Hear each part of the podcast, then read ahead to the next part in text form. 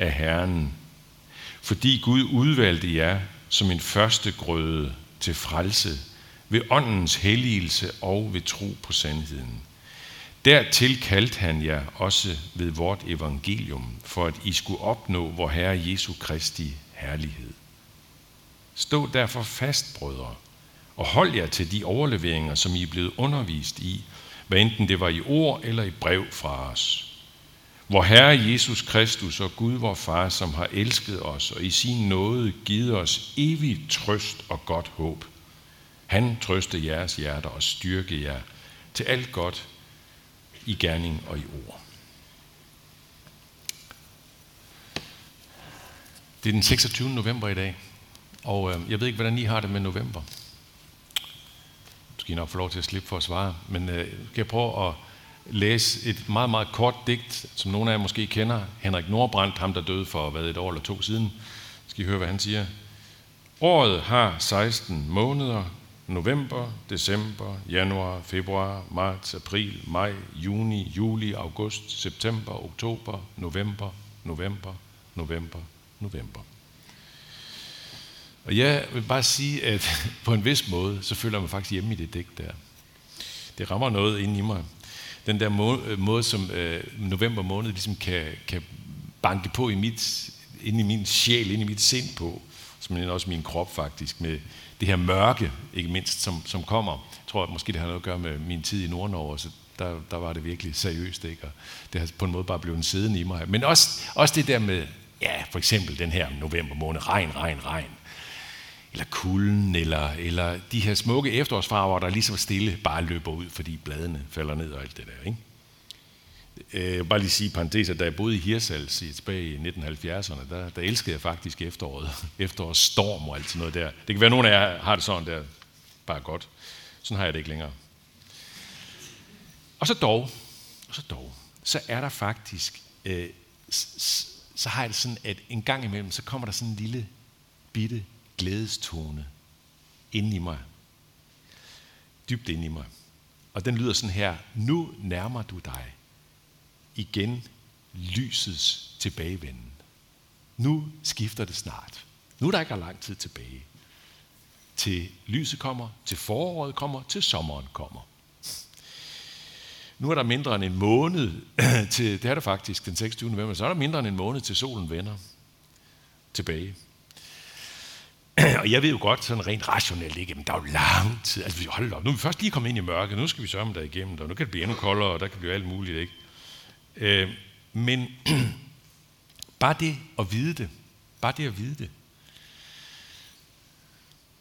er det ikke mærkeligt, sådan noget der kan komme? Nej, det synes jeg ikke, det er.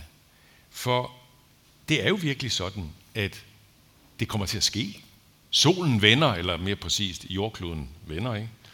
Foråret kommer med sikkerhed, så der er ikke noget mærkeligt i, at det kan banke lige så stille på en inde i, i sindet eller i sjælen med, med sådan en, en lille glædestone. Der er ikke noget mærkeligt i det, for det sker. For mig, der har det samtidig en ekstra dimension. Det har sådan en mærkelig og skøn påmindelse om noget langt, langt dybere. Noget helt fundamentalt i menneskelivet. Altså, når man læser det der Henrik Nordbrands digt, så er det faktisk det helt modsatte af det, som jeg får ind i mig, som melder sig. Fordi øh, det, det, som han skriver der med november, det skal faktisk også forstås billedligt. November får ligesom øh, en anden tone i hans digt. Det handler om, ja, november, november, november, det handler om livet, der ender som november. Det ligger også i hans digt. Altså livet, der ender i, ja, i mørke, i kulde, i at øh, det hele sådan set dør ud. Frugt og alt det der, ikke? Døden som det sidste. Og mere er der faktisk ikke hos Henrik Nordbrandt. Det bliver man klar over, når man begynder at dykke mere ned i ham. For mig, der giver den her lille undertone af glæde midt i novembermørket, det giver en skøn påmindelse om livshåbet. Om det håb, som Paulus skriver så vidunderligt om til de første kristne i Thessalonika. jeg, jeg oplever simpelthen, at han spiller sådan en lille glædessang til de her kristne i Thessalonika og til alle os andre sidenhen. Alle os, der går rundt i livets novembermørke. Husk, siger han, at I kommer til, og så citerer jeg, at opnå vor Herre Jesu Kristi herlighed. Sådan skrev han, ikke? Og sådan her også. Fordi hvor Herre Jesus Kristus og Gud, vor Far, har elsket os og i sin nåde givet os evig trøst og godt håb. Ja. Og det her, det er et fuldstændig afgørende aspekt ved troen. Fuldstændig. Det er først der faktisk, at troen på en måde begynder for alvor at give fuld mening. Den kristne tro. Kristus troen. Der, når håbet bliver opfyldt, der får vi evig trøst, siger Paulus. Forstået på den måde, at, at derfra bliver tårerne for altid væk. Det er sådan en evighed uden mindste gnist af sorg, sorg eller tristhed, eller savn, eller øh, skuffelser, eller noget som helst. Af det, som på en måde kan billedligt talt siges at være novembertristheden, novembertristheden i vores liv. Øh, et af mine absolute yndlingsbilleder på det her, der kommer, øh, yndlingsbilleder fra Bibelen, der er jo mange billeder af det faktisk, af de der kommende.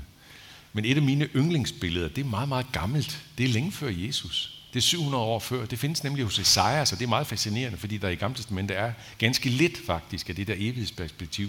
Men hos Esajas, der er der en helt vidunderlig tekst øh, i kapitel 25. Prøv at se, hvad der kan stå der. På dette bjerg skal herskers herre holde festmåltid for alle folkene. Et festmåltid med fede retter og lavret vin, med mave fede retter og ædel lavet vin. Så opsluges på dette bjerg sløret, det slør, der ligger over alle folkene, det dække, der er bredt over alle folkeslag. Døden opsluges for evigt. Gud, Herren, tørrer tårerne af hvert ansigt. Så det er et skønt billede. Et festmåltid op på bjerget. Øhm, parentes, der bliver noget med fjeldretræte anmeldelse i dag. Øh, igen. Øh, jeg ved ikke, om nogen af jer er, er stødt ind i en bog, som lige er blevet udgivet af en præst op i Holstebro, som hedder Jakob Sø Esmark. Øh, bogen hedder Gud, øh, hvor jeg savner ham. Gud, hvor jeg savner ham. Og det handler faktisk om øh, ham her præstens øh, 11-årige søn, som, som ham og hans kone mistede for, for 10 år siden. Simon døde af kræft. Og øh, han har skrevet en, en øh, bog, som vist skulle være meget læsværd. Den har jeg ikke læst. Men i forgårs, så var der et langt interview med ham i Christi Dagblad, som var meget, meget stærkt faktisk, hvor han taler lige ud meget ærligt om, om skuffelsen, om, om den enormt øh, skuffelsen over Gud, og vreden på Gud faktisk også, øh, og, og, og i det hele taget altså det her enorme fortvivlelse, der var i det. Men så siger han også nogle enormt stærke ting om håbsdimensionens altafgørende betydning, som bare kom til at vokse for ham. Og prøv at se, hvad han siger. Øh, på et tidspunkt måtte vi opgive håbet om at få en god dag mere med Simon her på jorden. Det håb blev slået i stykker, og i det lys er evighedshåbet det eneste håb, der holder i forhold til at bevare et håb om fornyet fællesskab med ham. Så siger han også sådan her, det er vigtigt at fylde sin jordiske tilværelse med håb og mening, men det er også tydeligt for mig, at uden evighedshåbet, så findes der en tomhed i min tilværelse, som simpelthen ikke kan fjernes. Så jeg skal have evighedshåbet. Og så siger han faktisk lidt mere stærkt om det også der. Det her, det er altså, for at gentage mig selv, det er simpelthen et fuldstændig altafgørende aspekt ved livet. Ved novemberlivet. Det sender i den grad en helt anden horisont ind over novemberlivet. Men det er en horisont, som i den grad skal fastholdes. For vi ser den ikke, vel? Det gør vi jo ikke. Vi tror kun på den. Vi ved med sikkerhed, at foråret kommer. Vi kan ikke lige se det, vel, men vi ved det. Men der er noget andet med det her. Vi håber. Vi lever i håb om det. Det betyder ikke, at vi, at vi tror på det i fuldstændig blinde. Det, det gør det ikke. Vi læner os meget stærkt op af det, der overhovedet giver os håbet om det her altafgørende, altså selve forudsætningen for det, hvad er det? det er det, som jeg startede med at nævne her til gudstjenesten, det er Jesu Kristi opstandelse fra de døde. Vi, øh, vi læner os op af, af, af disse beretningers troværdighed. Det gør vi i den grad. Og som jeg godt kunne have lyst til at sige meget mere om lige nu, men det bliver en anden gang. Men selv de her opstandelsesberetningers troværdighed, selv om de er stærkt troværdige, så må vi i bund og grund nøjes med at tro på det. De er jo ikke historisk endegyldige bevislige. Det er de selvfølgelig ikke. Og vi, ja, vi så ikke den opstandende Jesus, som de første gjorde det. Så tro uden at se. Håb uden at vide med sikkerhed. Og derfor, derfor skal vi blive ved med at tage det indenbords. Præcis sådan som Paulus også siger det så indtrængende i den her lille korte tekst. Han siger sådan her, ikke? Stå derfor fast, brødre, og hold jer til de overleveringer, som I er blevet undervist i, hvad enten det var i ord eller i brev fra os. Det han skriver her, det er faktisk meget, øh, det er meget enkelt og, og meget lige til i virkeligheden. Fordi det han siger, det er, hold jer, hold jer til de her overleveringer. Præcis det, som vi sådan set gør lige nu. Altså lige, lige nu, hvor I sidder og lytter til det her, ikke? eller hvor vi lytter til de her ord igen, og I sidder og lytter til en prædiken her. Paulus siger, bliv ved med det. Bliv ved med det. Bliv ved med at vende tilbage til det resten af livet. Til det, som har fået troens sandhed ind i jer. Prædiken, bibelundervisning, egen bibellæsning, podcast, andagter og jeg ved ikke hvad, alt muligt. Ikke? Så kunne jeg også godt nævne øh, nogle andre dimensioner ved det, der kan være energigivende for, for troen. Ligesom være en, en, en kilde for troen. Øh, jeg kunne nævne bøn, jeg kunne nævne sang, som vi dengang brugte det ikke. Jeg kunne nævne nadver, jeg kunne nævne øh, øh, også konkret næstekærlighedspraksis og, og så videre. Men, men øh, læg alligevel mærke til, at Paulus trækker den her tråd frem som noget helt afgørende. Fastholdelsen af ordene. Det samme gælder i virkeligheden også i alle mulige andre dele af vores liv. Nu snakker jeg ikke om det med troen, men om alt muligt andet altså. Det kunne være det her, der handler om, om vedvarende fastholdelse af det, som, som, vi, som vi en gang for alle har fået ind som en slags grundfortælling, eller skulle vi kalde det grundværdi, vi også sige grundideologi, eller hvad, altså om ditten og datten og dutten i vores liv, altså om, det kunne være om det familiære, eller det kunne være om, om, om det, vi sådan finder som det bedste i vores liv, eller det kunne være om det at være dansk, eller være europæisk, eller, eller alt muligt. Ikke?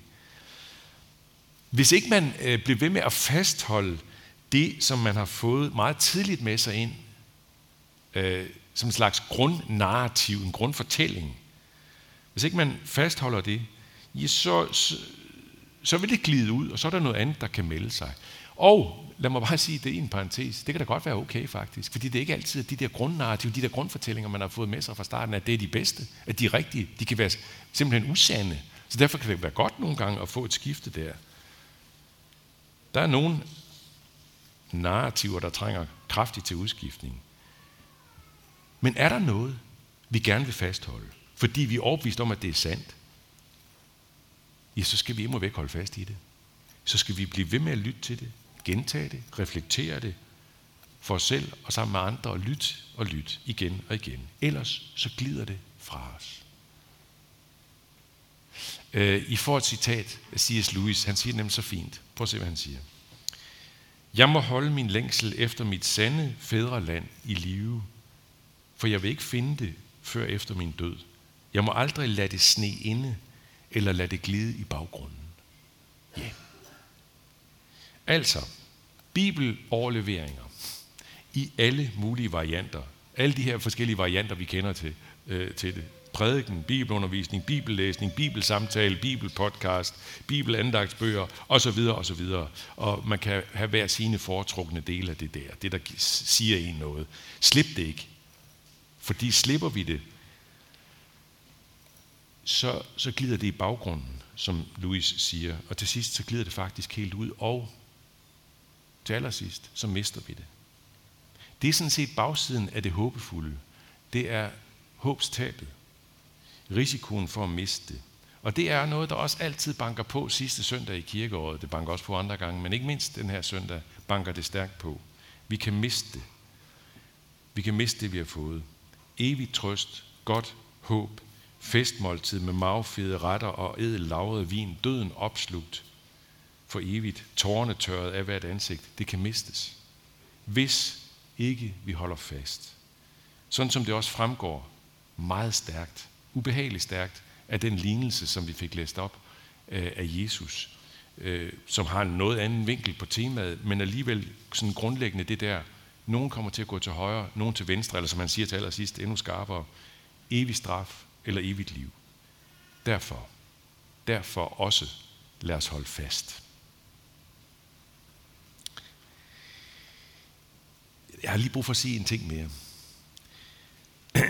Og det, jeg har brug for at sige, det er, øh, så kan det være, at der er nogen af jer, der sidder og tænker, ja, yeah, altså, det her, jeg, jeg, jeg burde føle det her meget stærkt og vedvarende, det med håbet om evigt liv.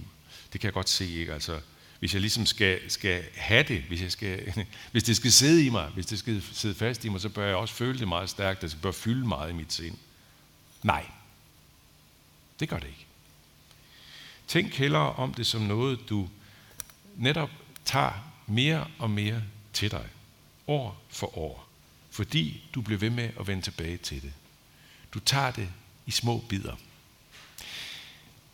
Det gør ikke noget, om du har det fuldt og helt. Det er bare skønt, altså. Men, men, men lad være med at tænke på det, som at, at det er galt, hvis ikke jeg har det fuldt og helt nu. Det er det ikke. Jeg har sikkert citeret det før, men nu får jeg det igen. Søren Kirkegaard som skriver så vidunderligt om det i en af sine bøger, hvor han taler om evigheden. Så siger han sådan her, at evigheden, den er dog vel den største opgave, som er sat et menneske. Og så, så siger han sådan, blev mennesket sat over for opgaven i hele dens omfang. Altså øh, ligesom blev krævet, at du, du skal kunne tage det hele til dig fuldstændig og tro på det fuldstændig. Så siger han, så vil øh, det ende med fortvivlelse. Men, skriver han, evigheden kan gøre sig så lille, at den kommer til os i små bidder. Så små, at vi kan nå at lære det. Lære det at håbe og længes. Vi får et lille stykke for af gangen, siger Kirkegaard. Evigheden fremtræder som noget muligt, som noget, der så at sige er ved hånden. Samtidig med, siger han, at den også kan fremstå som noget fjernt, forlokkende, noget, der drager os i konstant bevægelse fremad. Og så har jeg også bare lyst til at sige, at hvis du, sidder her, øh, hvis du er en af dem, der sidder her i dag, som, som endnu kun så småt er undervejs med tro, og måske knap og nap ved, om du endnu tør tro på, på kristendom og alt det der, og, og det der med det evige liv, det har du slet ikke taget til dig endnu, så vil jeg bare øh, komme med et, øh, e-, endnu et godt citat fra C.S. Lewis, som jo selv var en af dem der, der kom fra absolut ingen tro, altså meget bevidst ateist, til tro. Og, øh, og det skrev han senere faktisk en form for selvbiografi om, som hedder Overrasket fryd. Og i den der bog, Overrasket fryd, prøv at se, hvad han kan sige der. Forløbig indholdt min omvendelse ikke nogen tro på evigt liv. Og der var han altså kommet derhen, hvor han begyndte at tro på Gud. Det var han virkelig. Han har virkelig bøjet sig for det. Men det indeholdt sig ikke nogen tro på evigt liv. Jeg regner det nu for en af de største nådesbevisninger imod mig, at jeg fik lov til gennem flere måneder, måske et halvt år, at lære Gud at kende og forsøge at adlyde ham, uden at det spørgsmål blev bragt på banen. Uden at det blev for langt af mig underforstået. Nej. En bid af gangen. Men når du så har taget første bid, så bliver for alt i verden ved, så du tager næste bid og næste bid, og vi tykker og tykker på det. Og det siger jeg, altså, jeg, jeg, jeg prædiker lige nu til mig selv, vil jeg gerne sige. Jeg har virkelig brug for det selv. Og det er i mine bønder. Fordi det, der sker ikke, det er, at du og jeg, vi får mere og mere af det, sådan som årene går. Så får vi mere og mere af det. Forårets usynlige ankomst i vintertiden, sådan som vi skal synge det her til sidst øh, ved den her gudstjeneste, Brorsons, en af Brorsons allersmukkeste salmer. Her vil tiges, her vil bies, her vil bies hos svage sind. Og så kommer det. Vist skal du hente, kun ved at vente, kun ved at vente, vores sommer ind. Vist skal du hente vores sommer ind. Og så siger han også sådan her, lad det nu fryse. Lad mig nu gyse. Lad mig nu gyse. Det snart forgår. Så november bliver til december, og til januar, februar, marts, april og maj og juni og juli og juli og juli og juli og juli.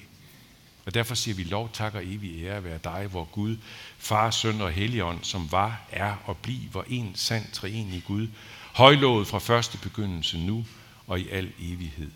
Amen. Og så vil vi rejse os sammen, sige forsagelsen og bekende troen. Vi forsager djævlen og alle hans gerninger og alt hans væsen. Vi tror på Gud Fader, den almægtige, himlens og jordens skaber. Vi tror på Jesus Kristus, hans enborne søn, vor Herre, som er undfanget ved Helligånden, født af Jomfru Maria, pint under Pontius Pilatus, korsfæstet, død og begravet, nedfaret til dødsriget, på tredje dag opstanden fra de døde, opfaret til himmels, siddende ved Gud Faders, den almægtiges højre hånd, hvorfra han skal komme at dømme levende og døde. Vi tror på Helligånden, den hellige almindelige kirke, de hellige samfund, søndernes forladelse, kødets opstandelse og det evige liv. Amen. Og lad os tilsige hinanden med apostlens ord. Hvor Herre Jesu Kristi nåde, Guds kærlighed og Helligåndens fællesskab være med os alle. Amen.